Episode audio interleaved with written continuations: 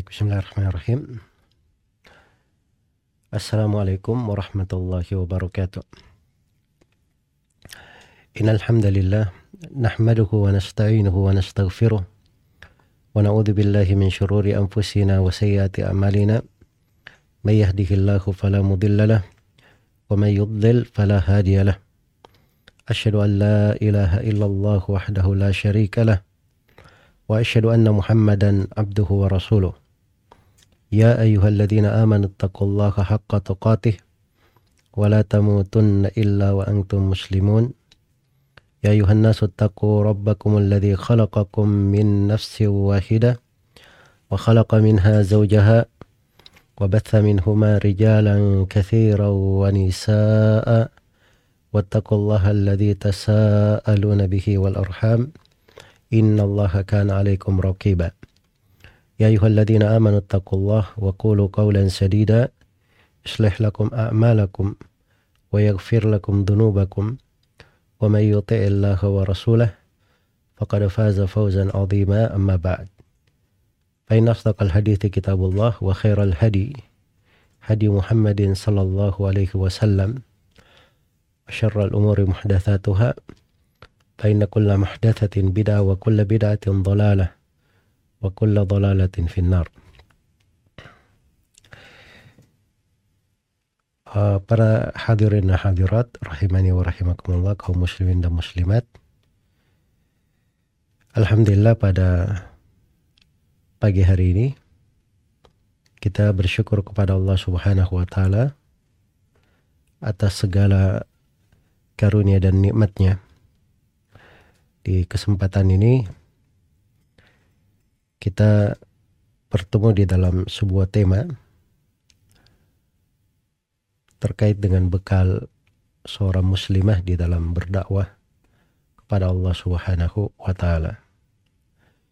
Di tema dakwah kepada Allah Subhanahu wa taala itu itu untuk setiap muslim dan muslimah. Dan di acara ini memang uh, untuk temanya tentunya penting untuk semuanya karena kita akan terangkan nanti dari sudut hukum berdakwah di jalan Allah itu itu terkait untuk semuanya walaupun di kajian zoomnya khusus untuk akhwat tapi saya pikir di link-link YouTube dan sebagainya itu terbuka untuk uh, semuanya. Walaupun fokus pembahasan di sini terkait dan terkondisikan banyak dengan kaum muslimat. Hadirin hadirat rahimani wa rahimakumullah.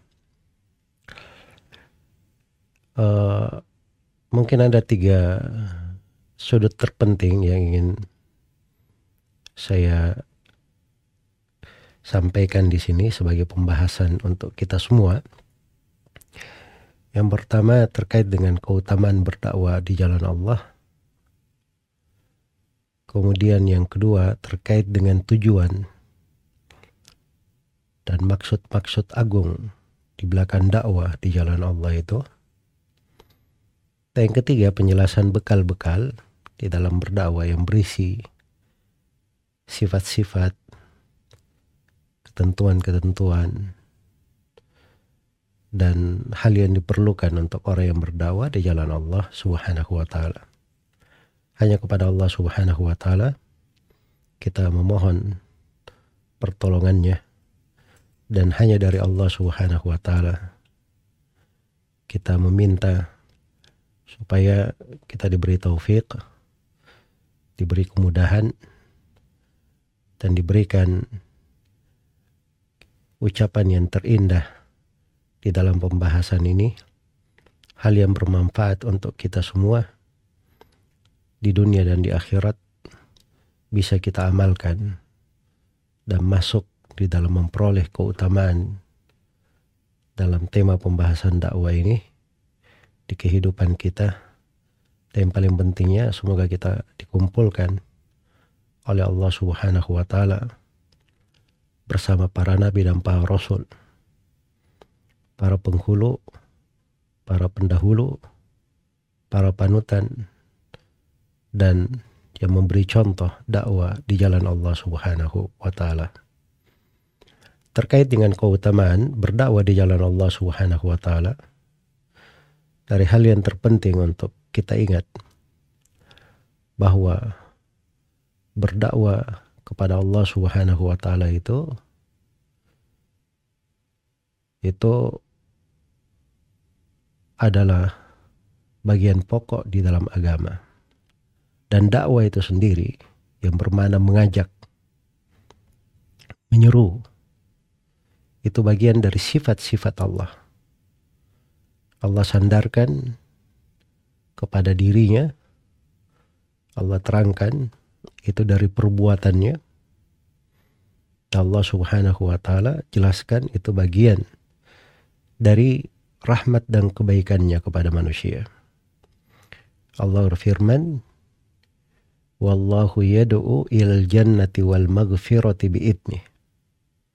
Allah itu mengajak, mendakwai kepada sorga dan kepada pengampunan dari sisi dengan idinnya. Jadi bahasanya Wallahu yad'u. Allah mengajak. Ya kalau bahasa Indonesia Allah berdakwah. Begitu sebenarnya. Cuman uh, penggunaan uh, kata ya dari kelumrahan itu dakwanya itu diterjemahkan dengan Allah mengajak dan menyuruh kepada sorga dan pengampunan dari sisinya. Iya. Dan Allah subhanahu wa ta'ala berfirman, Yadu'ukum liyaghfira lakum min dunubikum wa yuakhirakum ila ajalin musamma. Allah mengajak kalian, mendakwai kalian untuk mengampuni dosa-dosa kalian. Supaya dosa-dosa kalian itu diampuni. Dan kalian diakhirkan hingga waktu yang telah ditentukan. Ayat yang ketiga, Allah Subhanahu wa taala berfirman, "Wallahu yad'u ila daris salam." wa yahdi man yasha'u ila siratim mustaqim. Allah mengajak kepada negeri keselamatan, kepada sorga. Dan Allah memberi hidayah kepada siapa yang dia kehendaki menuju kepada jalan yang lurus menuju kepada as-sirat al-mustaqim. Iya. Jadi subhanallah ini dari hal yang patut kita renungi. Sebab kalau kita tahu bahwa mengajak kepada sorga, mengajak kepada apa yang menyambung kepada rahmat dan ridha Allah, Allah yang mengajak ke sana. Dan kita mengikuti perintah Allah di dalamnya, itu suatu ibadah yang sangat besar. Suatu ibadah yang sangat besar. Iya. Karena karena itulah dari keutamaan dakwah di jalan Allah Subhanahu wa taala para nabi dan para rasul itu semuanya dijadikan oleh Allah Subhanahu wa taala kepada orang yang berdakwah di jalannya. Orang yang berdakwah di jalannya. Allah Subhanahu wa taala berfirman wa ja'alnahum a'immatan yahduna bi amrina. Dan kami jadikan para nabi itu sebagai para imam, para panutan yang memberi hidayah dengan perkara kami. Memberi hidayah kepada perkara kami. Allah Subhanahu wa taala berfirman wa ja'alna minhum a'immatan yahduna bi amrina lamma sabaru wa kanu bi ayatina yuqinun. Dan kami jadikan mereka para imam yang memberi hidayah dengan petunjuk kami tatkala mereka bersabar. Dan mereka adalah orang-orang yang sangat yakin terhadap ayat-ayat kami. Baik. Jadi ini dari keagungan dakwah di jalan Allah Subhanahu wa taala. Iya. Dan dari kemuliaan berdakwah di jalan Allah ini Allah Subhanahu wa taala berfirman, "Wa man ahsanu qawlan mimman da'a ila Allah wa amila salihah." Wa qala innani minal muslimin. Tidak ada yang lebih baik ucapannya dari orang yang berdakwah kepada Allah. Dan dia beramal salih. Serta dia selalu berkata sesungguhnya saya termasuk orang-orang yang berserah diri. Sebut di kedudukan yang paling pertama tidak ada lebih baik. Ucapannya dari orang yang berdakwah kepada Allah Subhanahu wa taala.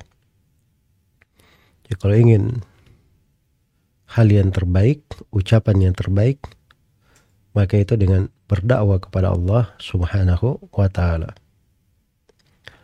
Ingin menjadi pengikut Nabi Shallallahu alaihi wasallam berada di atas jalan Nabi itu jalannya orang yang berdakwah kepada Allah Subhanahu wa taala sebagaimana firman Allah Subhanahu wa taala kul hadhihi sabili ad'u ila Allah ala basirah ana wa man ittaba'ani wa subhanallah wa ma ana minal musyrikin. Katakanlah wahai Nabi Muhammad ini adalah jalanku. Adu'u ilallah saya berdakwah kepada Allah. Saya berdakwah kepada Allah Subhanahu wa taala di atas jalan tersebut. Saya dan orang-orang yang mengikutiku. Jadi pengikut para nabi itu dari umatnya itu di atas hal yang sama. Iya. Di atas hal yang sama. Dan dakwah di jalan Allah ini mengajak manusia untuk memperoleh hidayah. Kadang satu orang yang mendapat hidayah, kita yang menjadi sebab kan hal tersebut, kadang pahalanya lebih baik daripada dunia dan segala isinya. Karena itu syah di dalam hadits riwayat Bukhari dan Muslim dari hadits Sahal bin Sa'ad As-Sa'idi radhiyallahu anhu tatkala Nabi sallallahu alaihi wasallam berkata kepada Ali radhiyallahu anhu la ayyahdiyallahu bika rajulan wahidan khairul laka min humrin na'am andai kata Allah memberi hidayah kepada seorang lelaki disebabkan karena kamu maka itu lebih baik bagimu daripada daripada unta-unta merah. Unta-unta merah itu itu bahasa yang menjelaskan tentang harta terkaya atau harta yang terbaik, termahal di kalangan orang Arab. Jadi kalau mereka katakan lebih baik dari unta merah, itu kalau bahasa lainnya itu lebih baik daripada dunia dan segala isinya. Jadi satu orang yang dapat hidayah, kamu yang menjadi sebab, maka itu lebih baik bagimu daripada unta-unta merah. Iya.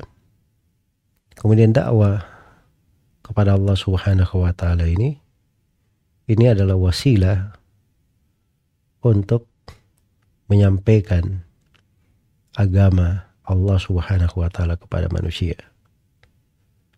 Maka hal yang menjadi wasilahnya, menjadi jalannya sehingga agama itu sampai kepada manusia itu tentunya adalah hal yang terbesar dari hal yang terbesar.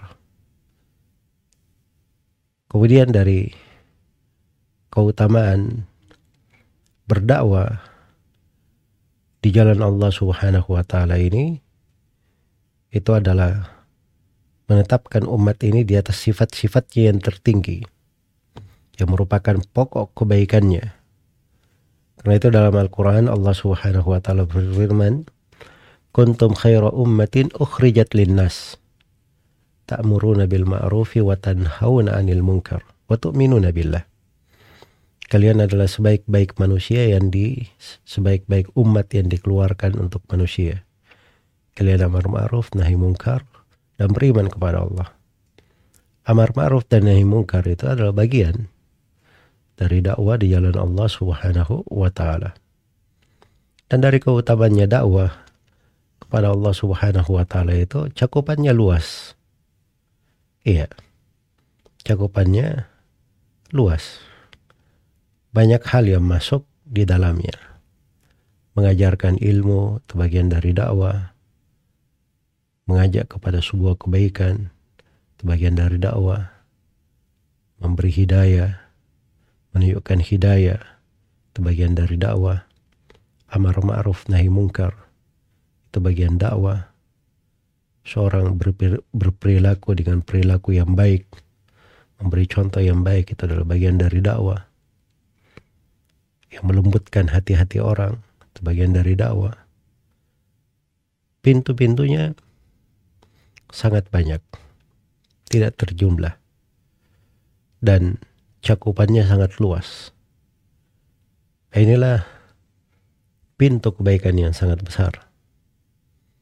Pintu kebaikan yang sangat besar bagi seorang muslim dan muslimah. Iya. Untuk seorang muslimah di dalam hal ini dia juga mendapatkan hal yang sangat besar. Porsi yang sangat luas. Bahkan seorang perempuan kadang di rumahnya dengan dia mengajak anak-anaknya, mengajari mereka dengan kebaikan. Itu bagian dari berdakwah di jalan Allah Subhanahu wa taala. Maka kita harus pahami betapa luas anugerah dan karunia Allah Subhanahu wa taala untuk kita. Berbicara tentang keutamaan dakwah di jalan Allah itu pembahasan luas dan banyak sekali keindahan di dalamnya. Cuman pembahasan yang kedua ini ini dari hal yang penting untuk kita pahami agar supaya kita mengerti ruh dari dakwah kepada Allah itu apa pokok dan tujuannya itu apa? Puncak yang ingin dicapai dari dakwah itu apa? Ini membahasnya, membaca tentang gaya, tentang makasid, tujuan utama, maksud pensyariatan di dalam hal tersebut, itu akan membuat seseorang itu punya fikih, memahami apa yang dimaksud dengan dakwah di jalan Allah Subhanahu wa taala itu. Iya. Dari maksud pokok berdakwah di jalan Allah Subhanahu wa taala adalah memperkenalkan Allah Subhanahu wa taala yang diibadahi kepada manusia. Memperkenalkan Allah Subhanahu wa taala yang diibadahi kepada manusia. Sebab mengenal Allah Subhanahu wa taala beribadah kepadanya itulah tujuan kita diciptakan. Wa ma khalaqatul jinna wal insa illa liya'budun. Tidaklah aku menciptakan jin dan manusia kecuali untuk beribadah kepadaku. Nah, di atas tujuan itu seorang hamba diciptakan. Iya. Karena itu setiap nabi dan rasul dakwah utamanya kepada kaumnya ani abudullah wajtanibut tagut walaqad ba'atna fi kulli ummatin rasula ani abudullah wajtanibut tagut sungguh kami telah mengutus pada setiap umat seorang rasul agar setiap rasul ini menyerukan kepada umatnya beribadalah kalian hanya kepada Allah dan jauhi segala yang diibadahi selain daripada Allah subhanahu wa ta'ala. Ma arsalna min qablika min rasulin illa nuhi ilaihi annahu la ilaha illa ana fa'budun. Tidaklah kami mengutus seorang rasul pun sebelum engkau Nabi Muhammad. Kecuali kami wahyukan kepada rasul itu agar supaya mereka menyampaikan firman Allah tidak ada yang berhak diibadahi kecuali aku, maka beribadalah kalian hanya kepadaku. Ini pokok dari tujuan berdakwah di jalan Allah. Iya. Jadi kalau ada yang mengaku berdakwah di jalan Allah, tapi tidak membuat manusia itu mengenal Allah, atau tidak mendekatkannya kepada Allah Subhanahu wa taala, maka itu bukan berdakwah namanya. Itu bukan dakwah. Iya. Ada orang-orang yang berdakwah tapi dia tidak mengerti prioritas dari dakwah itu apa. Dan dia tidak tahu tujuan dari dakwah itu apa.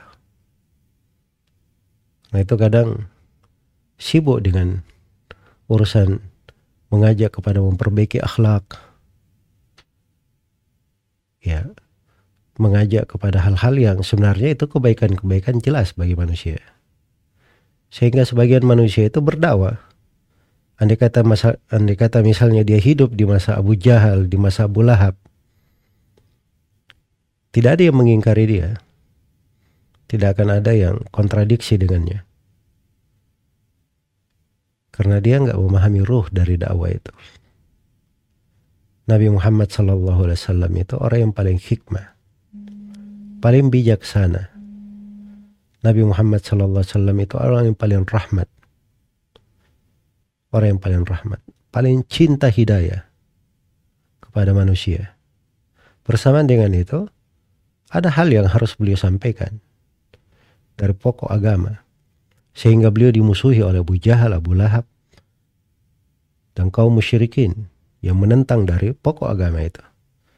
Maka itu harus dipahami dari dakwah di jalan Allah subhanahu wa ta'ala keberadaan seorang dai seakan-akan dia harus diterima oleh seluruh manusia di bawah di bawah kolom langit ini nah itu akan membuatnya berbicara keluar dari inti dakwah yang disampaikan. Iya. Karena dakwah kepada kebenaran itu membedakan antara yang hak dan yang batil. Memperjelas mana yang agama Allah, mana yang bukan agama Allah. Dan memecah manusia antara dua persimpangan kepada jalan kebaikan dan jalan keburukan, kepada sorga dan kepada neraka. Nah, kita harus dipahami oleh seorang yang berdakwah kalau dia maksud dia mengerti maksud dan tujuan dakwah di jalan Allah Subhanahu wa taala memperkenalkan Allah itu akan indah. Iya.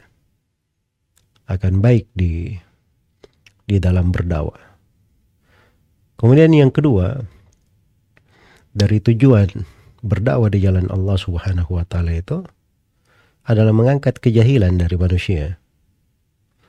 Mengangkat kejahilan dari manusia supaya mereka mengenal kewajibannya kepada Allah, mengenal agama Allah Subhanahu wa taala, mengenal syariat yang merupakan jalan yang mengantar kepada Allah subhanahu wa ta'ala. Iya. Jadi dengan hal itulah mereka memperoleh kebaikan. Karena itu Nabi Shallallahu Alaihi Wasallam itu mencetak generasi. Beliau mendidik para sahabatnya beliau mendidik para sahabatnya. Bukan cuman orang diajak, wah ini Islam ini bagus, indah. Ayo, ayo masuk, masuk. Nah, begitu masuk, di dalamnya tidak belajar, tidak mengerti apa tuntunan Islam itu. Tidak bisa membedakan mana yang benar, mana yang batil. Nah, itu bukan hal yang dimaksudkan di dalam berdakwah kepada Allah Subhanahu wa taala. Nah itu perhatikan ya orang-orang yang keliru jalannya di masa sekarang ini. Nah ini kadang terlihat pada sebagian orang yang mengaku berdakwah kepada sunnah. Ada sebagian orang-orang yang hijrah misalnya dari kalangan orang populer, artis maupun yang lainnya. Ya, hijrah hijrah dalam artian apa? dalam artian terbatas. Mungkin dulu dia ber, uh, berbuat sebuah dosa maksiat sekarang nggak lagi rajin ke masjid. Ya tapi subhanallah tidak bisa membedakan mana yang benar mana yang salah. Ya ikut bersama setiap orang. Tidak mengenal sunnah Nabi Shallallahu Alaihi Wasallam. Padahal di antara pokok dakwah itu menerangkan jalan. Dia bisa membedakan mana yang kesyirikan dan mana yang bukan kesyirikan.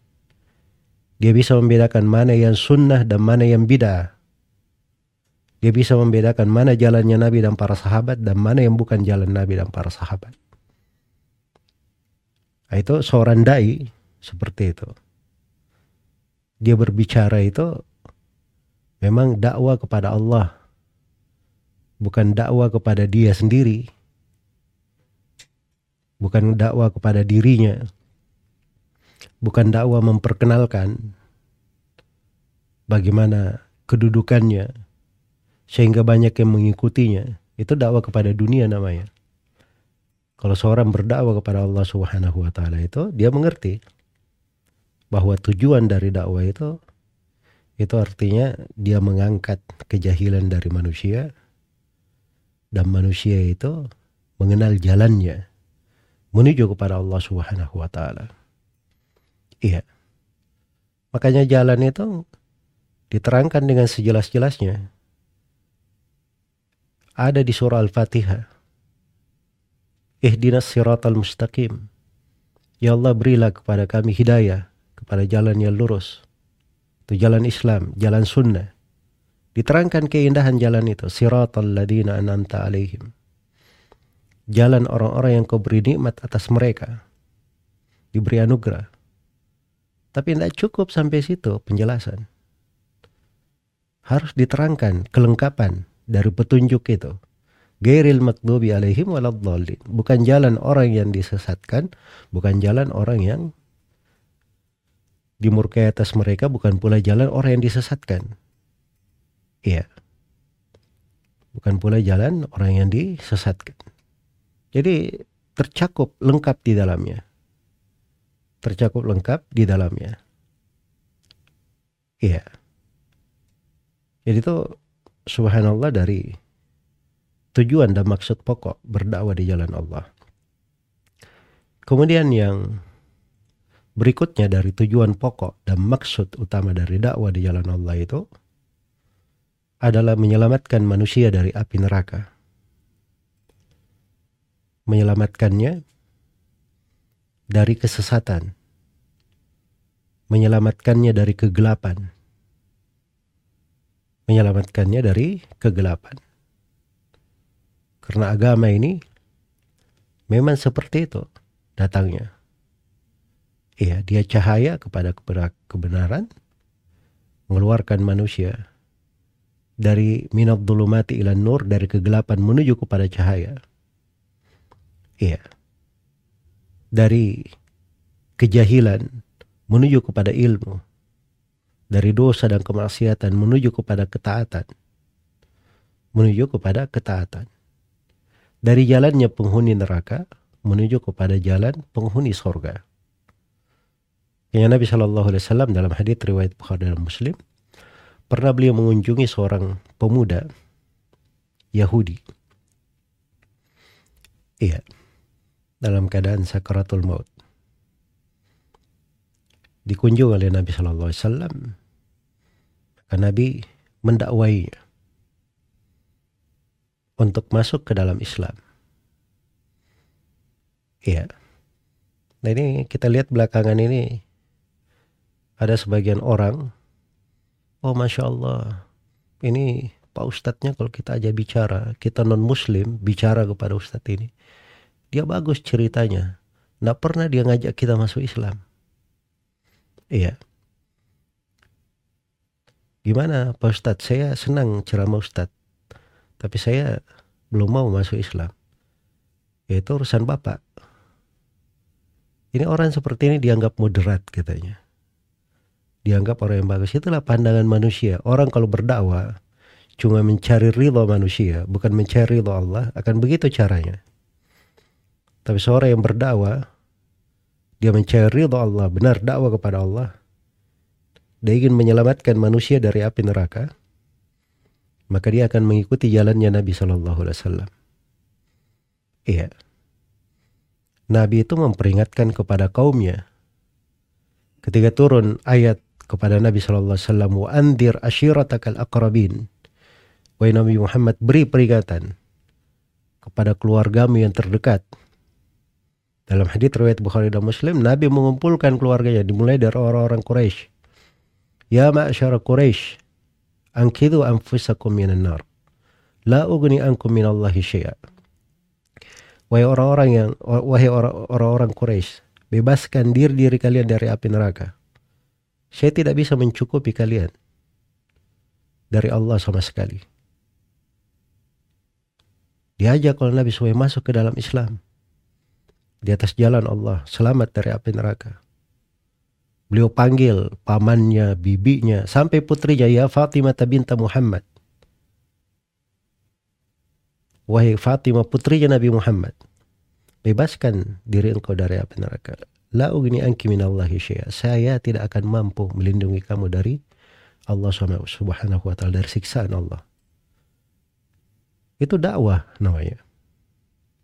Iya terang sampai disampaikan oleh Nabi Shallallahu Alaihi Wasallam. Sama anak muda ini, ya.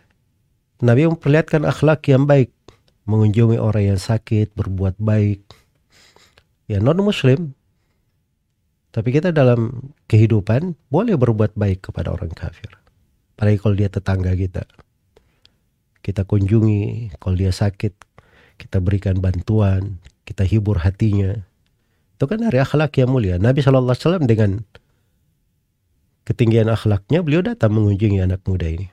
Tapi tidak cukup di situ, beliau ajak supaya anak muda ini masuk ke dalam Islam. Maka anak muda ini melihat kepada ayahnya, Yahudi. Orang-orang Yahudi itu sangat tahu bahwa Nabi Muhammad itu benar. Ya.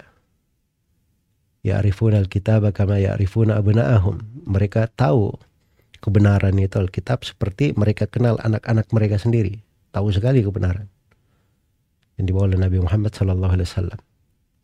Tapi bersamaan dengan itu kesombongan menyebabkan mereka tidak mau masuk Islam. Tapi begitu melihat akhlak Nabi setinggi itu, mengajak anaknya masuk ke dalam Islam, maka si anak ini menoleh kepada ayahnya. Ayahnya berkata, Ati Abul Qasim. Taatilah Nabi Muhammad Sallallahu Alaihi Wasallam. Maka anak muda ini pun masuk ke dalam Islam. Nabi Shallallahu Alaihi Wasallam keluar dari rumah anak itu seraya berkata Alhamdulillahilladzi anqadahu minan nar. Segala puji hanya untuk Allah yang menyelamatkan dia dari api neraka. Iya. Itulah sebenarnya penasehat orang yang menghendaki kebaikan untuk manusia. Dia mengajak orang kepada hal yang baik dan itu tujuan berdakwah di jalan Allah Iya. Tujuan berdakwah di jalan Allah Subhanahu wa taala. Itu adalah misi dakwanya para nabi dan para rasul. Wa man kana yuridul akhirata wa sa'alaha sa'yaha wa huwa mu'min fa ulaika kana sa'yuhum mashkura. Para siapa yang menghendaki kehidupan akhirat dan dia menempuh jalannya. Dalam keadaan dia adalah seorang mukmin maka dia inilah orang-orang yang amalannya disyukuri dibalas dengan sorga. Ada tiga ya. Dia tahu akhirat dan dia tahu balasan. Ingin ke sorga. Selamat dari api neraka. Itu tujuan dakwah. Yang kedua wasa'alaha sa'yaha. Dia mengikuti jalannya. Mengikuti jalannya. Itulah dia mengenal agama, mengenal syariat. Dia mengangkat kejahilan dari dirinya.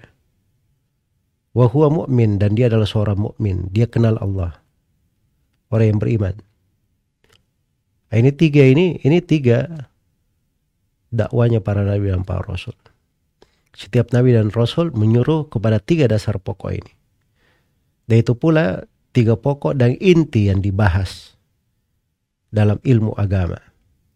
Karena itu kata Ibnu Al-Qayyim rahimahullahu taala wal ilmu aksamun thalathun ma laha min haqqin wal haq, min rabi'in wal haqqu dhu tibyani ilmun bi awsafil ilahi wa fi'lihi wa kadzalika al-asm wa kadzalika al-asma'u lirrahmani wal amru wan nahyu alladhi huwa dinuhu wa jazaohu yaumal ma'adi tsani ilmu itu ada tiga jenis, tiga bentuk ilmu itu. Tidak ada bentuk yang keempat.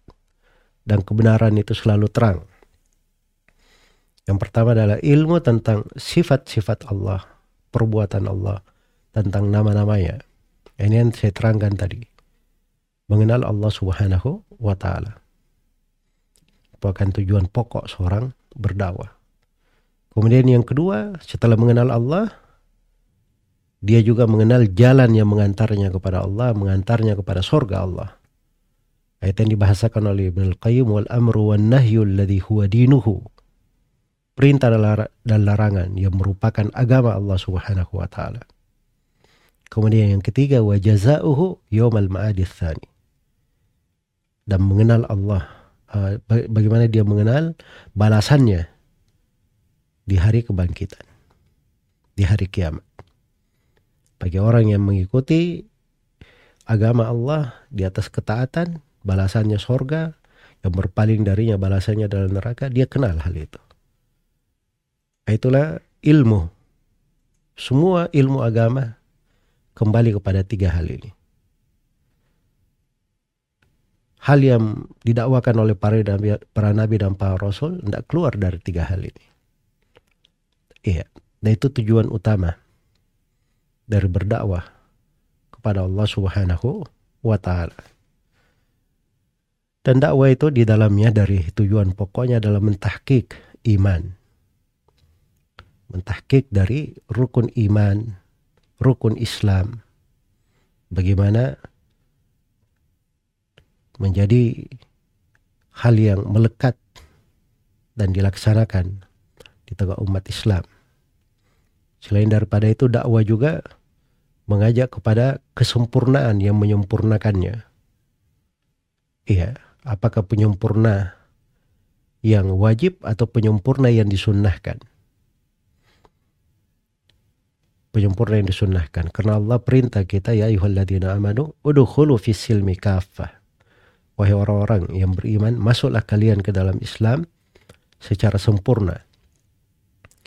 Masuklah kalian ke dalam Islam secara sempurna. Dan Allah subhanahu wa ta'ala telah berfirman kepada nabinya wa innaka la'ala khuluqin azim.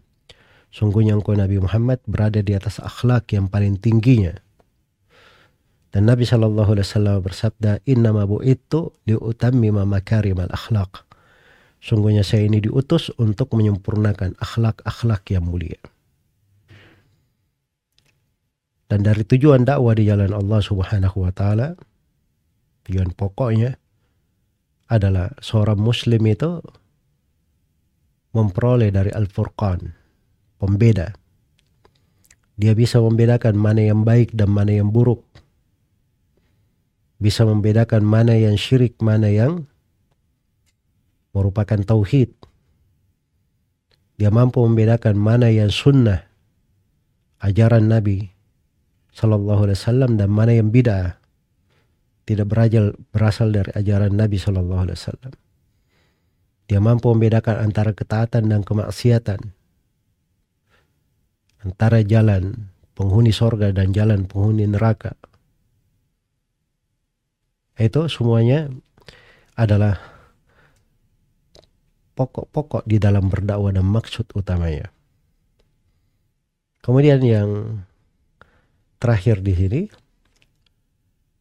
mungkin pembahasan terkait dengan bekal-bekal dan sifat-sifat seorang perempuan muslimah di dalam berdakwah kepada Allah Subhanahu wa taala ini banyak sekali ya dari sifat-sifatnya. Cuma saya akan berusaha menguraikan sifat-sifat itu dari ayat-ayat Al-Qur'an agar supaya mudah untuk kita memahaminya. Ya. Sifat yang pertama itu Allah Subhanahu wa taala terangkan tentang bagaimana dakwanya Nabi Muhammad sallallahu alaihi wasallam. Iya. Bagaimana Rasulullah sallallahu alaihi wasallam berdakwah kepada Allah Subhanahu wa taala menyeru kepada kaumnya menyeru kepada kaumnya. Dan sifat yang pertama ini kita akan ambil dari ayat yang telah saya bacakan berasal dari akhir surah Yusuf. Ya berasal dari akhir surah Yusuf. Itu pada firman Allah subhanahu wa ta'ala Qul hadhihi sabili ad'u ila Allah ala basiratin ana wa man ittaba'ani wa subhanallah wa ma ana minal musyrikin. Baik. Jadi ayat yang ke 108 ini dari surah Yusuf. Qul hadhihi sabili. Perhatikan baik-baik kalimat-kalimat dari ayat ini. Sebab di dalamnya fikih, fikih yang mendalam terkait dengan dakwah. Dan bekal-bekal untuk orang yang berdakwah. Kul katakan wahai Nabi Muhammad. Hadihi sabili, inilah jalanku. Inilah jalanku. Iya. Jalan itu dibahasakan cuma satu, sabili Makanya orang yang berdakwah itu dia harus tahu bahwa jalan itu jelas dan jalannya itu cuma satu. Jalannya cuma satu. Jadi kalau ada orang yang berdakwah, dia belum tahu jalan, terus dia berkata kebenaran ada di mana-mana, akhirnya tidak pantas untuk berdakwah. Sebab dia tidak mengerti jalannya Nabi Shallallahu Alaihi Wasallam. Dan dia tidak mengerti agama Allah Subhanahu wa taala. Agama Allah itu cuma satu. Selalu bahasanya sabili, jalanku, kata tunggal mufrad. Bukan dikatakan subuli, tapi sabili. Kalau dibahasakan dengan sirat, ihdinas sirat al-mustaqim. As-sirat, satu jalan. Wa anna hada sirati mustaqiman fattabi'u. Wa la tattabi'u subul fatafarraqa bikum an sabili. Sungguhnya inilah jalanku, siratku yang satu. Selalu lurus, ikuti jalan itu. Dan jangan kalian ikuti jalan-jalan yang lain. Jangan ikuti jalan-jalan yang lain. Itu bahasa-bahasa yang dipakai dalam Al-Quran itu, itu kalimat tunggal semua. Ya, kalau disebut Al-Huda, An-Nur, ya itu semuanya dengan bahasa mufrad tunggal. Itu kebenaran. Nah ini bahasanya kul hadhihi sabili. Cukup pakai kata tunjuk saja. Gak perlu diterangkan sabili itu begini, begini, begini. Nah biasanya itu bahasa kalau sudah dipakai kata tunjuk saja itu sesuatu yang sudah jelas sekali. Makanya Nabi Shallallahu Alaihi Wasallam bersabda, "Laqad taraktukum alal bayda, kana hariha, la yazigu anha ba'di illa halik." Sungguh saya telah tinggalkan kalian di atas petunjuk yang sangat putih. Saking terangnya itu kata Nabi malamnya sama dengan siangnya. Tidak ada yang menyimpang darinya kecuali orang yang binasa. Iya. Tidak ada yang menyimpan darinya kecuali orang yang binasa. Jadi subhanallah jalannya lurus.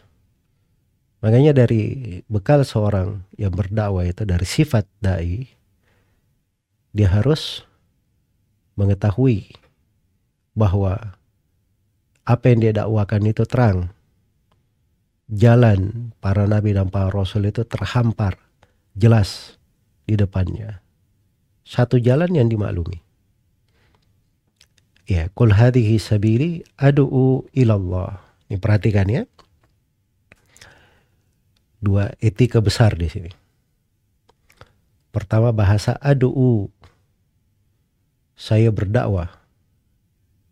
Ya, jadi dakwah itu perbuatan Nabi sebagaimana yang telah kita terangkan bahwa dari keutamaan dakwah para nabi dan para rasul semuanya berdakwah kepada Allah. Adu'u. Adu'u ini kalau bahasa Arab itu namanya fi'il mudhari. Fi'il mudhari itu menunjukkan mana istimrar. Terus berlanjut.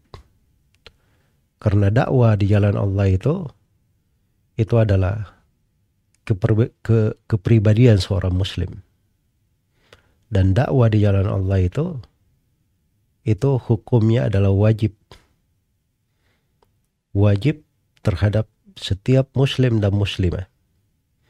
Tetapi sesuai dengan kadarnya masing-masing dan kemampuannya. Makanya dakwah itu terus berlanjut. Berlangsung. Ada perjuangan di dalamnya. Iya. Ada perjuangan. Bahkan itu menjadi proyek kehidupannya. Sebab subhanallah ya kita di dalam kehidupan itu dengan pintu dakwah ini itu bisa menjadi lahan ketaatan kita sepanjang kita hidup dari sudut apa pun. Makanya itu dibahasakan adu'u ilallah. Itu sifat seorang dai. Dalam berdakwah itu dia istiqamah. Terus menerus. Pastakim kama umir wa man taba ma'ak. Istiqamah engkau Nabi Muhammad. Sebagaimana engkau diperintah. Demikian pula orang yang bertobat bersama engkau, kaum muslimin yang mengikutimu. Ya, fastaghfiruhu fastaqimu ilaihi wastaghfiruh istiqamalah kalian hanya kepadanya dan selalulah memohon ampunan kepada Allah Subhanahu wa taala. Maka dakwah itu perlu istiqamah. Perlu kelurusan. Perlu seorang continue di atasnya. Iya dan dakwah itu perlu kesabaran. Itu diambil dari kata aduh, dia selalu bersabar, nggak pernah putus. Ada rintangan langsung masuk kotak. Ya, pensiun dari dakwah. Nah seperti itu, tapi dia punya kesabaran. Ada sabar di dalam hal tersebut. Iya. Adu'u ilallah. Ilallah itu ini akhlak yang agung yang lainnya. Dari seorang dai. Orang yang berdakwah di jalan Allah itu harus ada keikhlasan. Jadi dakwanya itu kepada Allah. Bukan kepada dirinya, bukan kepada golongannya, ya kepada kelompoknya.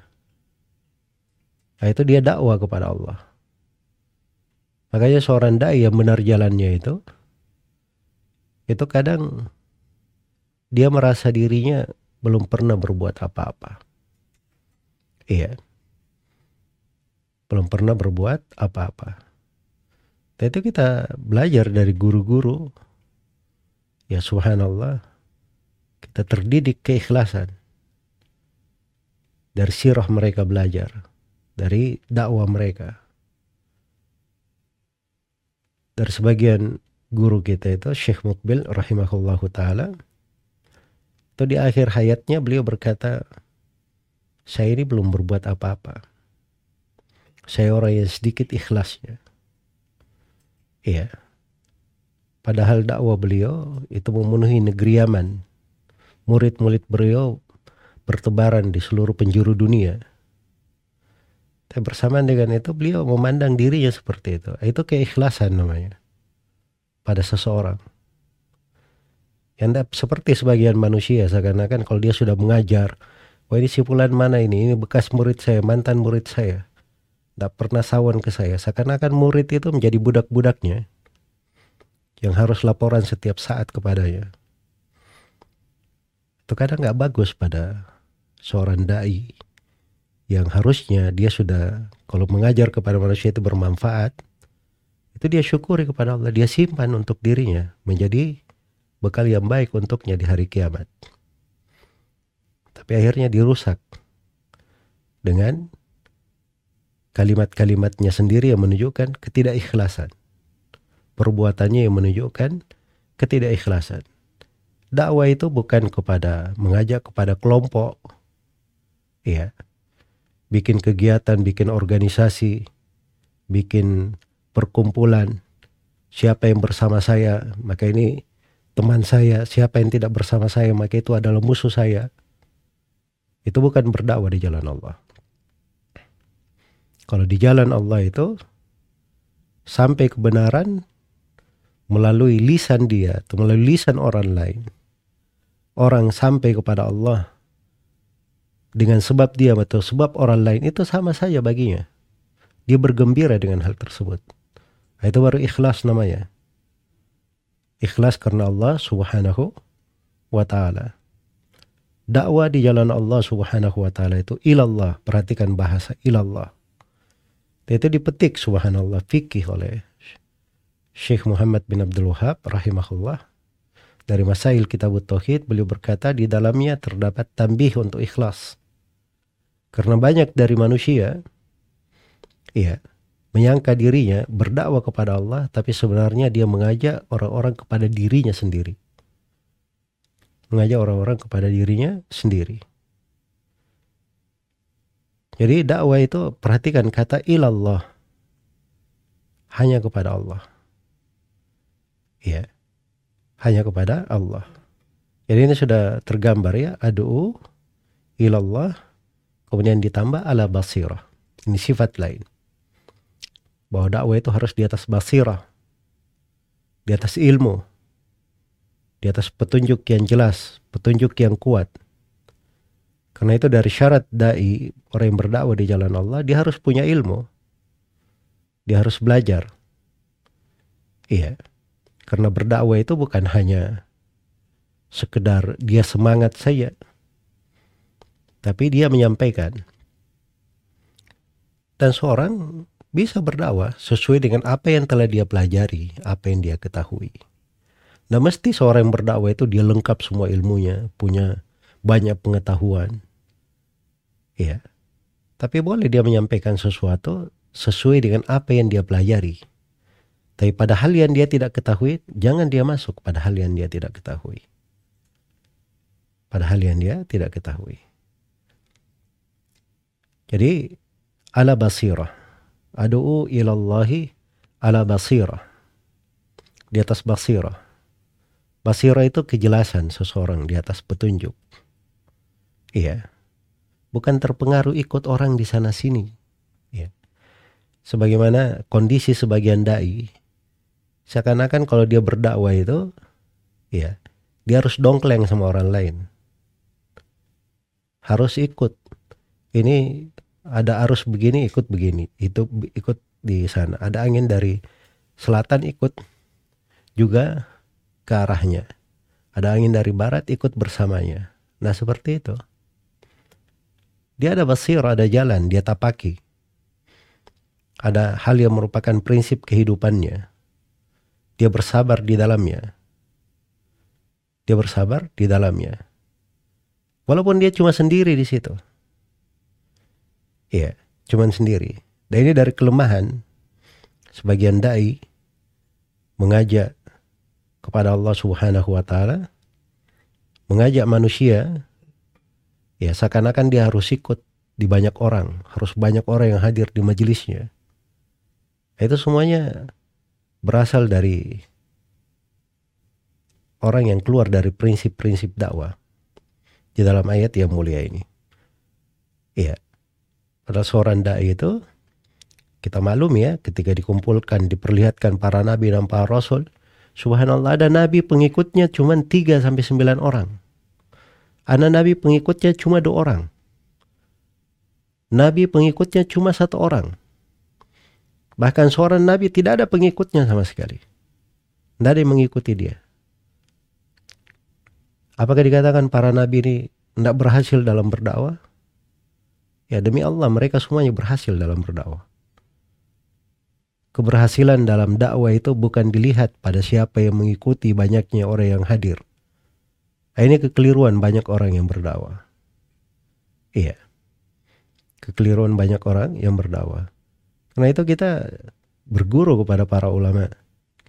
Mereka kalau hadir di majelis-majelis yang banyak orang yang hadir di situ, itu kadang sebagian dari mereka mengkhawatirkan dirinya Sebagian dari mereka banyak berdoa semoga diberi keikhlasan. Iya. Sebagian dari mereka berdoa supaya tidak terfitnah. Tapi sebagian manusia ini yang berdakwah mengaku berdakwah memang betul subhanallah kelihatan cara cari ketenaran, ingin dongkleng sama orang. Dan hal-hal yang seperti ini tidak benar. Harus diluruskan dari niat itu. Iya. Seorang dengan sebab dia dapat hidayah masuk ke dalam sorga itu lebih baik daripada dunia dan segala isinya.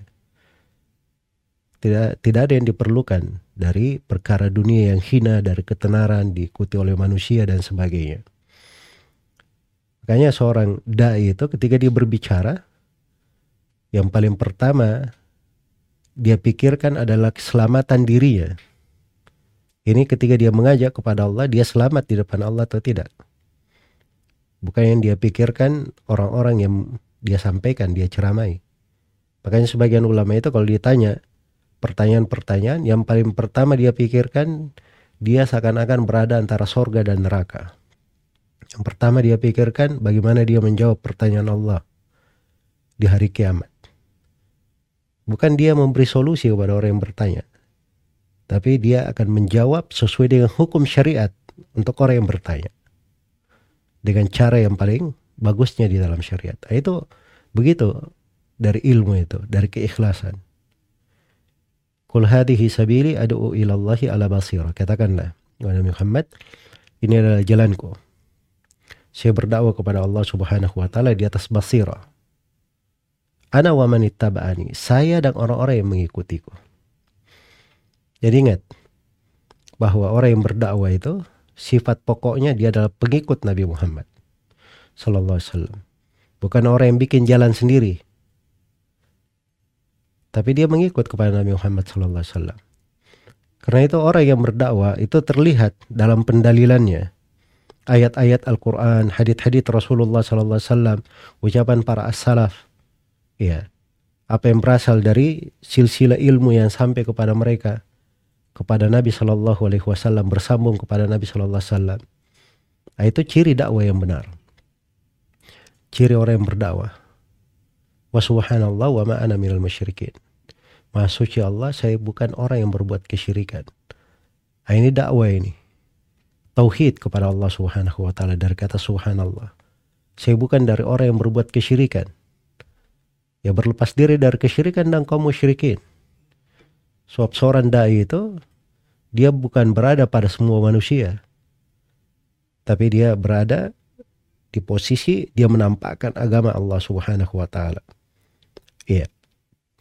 Kemudian di antara sifat seorang dai dia memiliki dari hikmah. Ya. Memiliki dari hikmah. Ud'u ila sabili rabbika bil hikmati wal mau'izatil hasanah. Berdakwahlah kepada jalan Rabbmu dengan hikmah dan nasihat yang mendalam. Dan dari sifat seorang dai, ucapannya itu mencocoki amalannya. Ya ayuhalladzina amanu lima taquluna ma la taf'alun. Wahai orang-orang yang beriman, kenapa kalian berucap apa yang kalian tidak lakukan? Dan dari sifat seorang dai ketulusan, as-sidq. As-sidq itu ketulusan, kesungguhan. Ada keikhlasannya, kesungguhannya, jujur dalam ucapannya. Itu sidik namanya. Falau sadaqallaha lakana khairan lahum. Kalau mereka sidik kepada Allah, maka itu yang terbaik untuk mereka. Dan dari sifat seorang dai yang di atas jalan, dia selalu memilih dengan detail jalannya para as-salaf. Iya. Sebab itulah para dai yang dipuji oleh Allah Subhanahu wa taala. Was-sabiquna al-awwaluna minal muhajirin wal ansar walladzina tabauhum bi ihsan. Allah hanya memuji tiga golongan saja. Orang-orang terdahulu lagi pertama dari kalangan muhajirin satu, yang kedua dari kalangan ansar, dan yang ketiga orang yang mengikuti mereka, mengikuti muhajirin dan ansar. Bi ihsan, ihsan di situ bi itqan, dengan mungkin dia ikuti. Iya, dengan mungkin dia ikuti. Karena itu orang yang mengajak kepada dakwah salaf itu apa mengajak kepada kepada Allah Subhanahu wa taala dia pasti akan memperkenalkan kepada manusia apa itu sunnah yang merupakan jalannya Nabi dan para sahabat. Iya. dengan hal itu mereka bisa membedakan yang mana yang merupakan ahli sunnah wal jamaah di dalam pembahasan takdir lurus di atas jalan. Bukan orang qadariyah bukan pula orang jabriyah di dalam masalah keimanan lurus di atas jalan. Bukan orang-orang murjiah bukan orang-orang khawarij. Di dalam masalah uh, apa namanya? Di dalam masalah nama-nama dan sifat Allah Subhanahu wa taala lurus di atas jalan.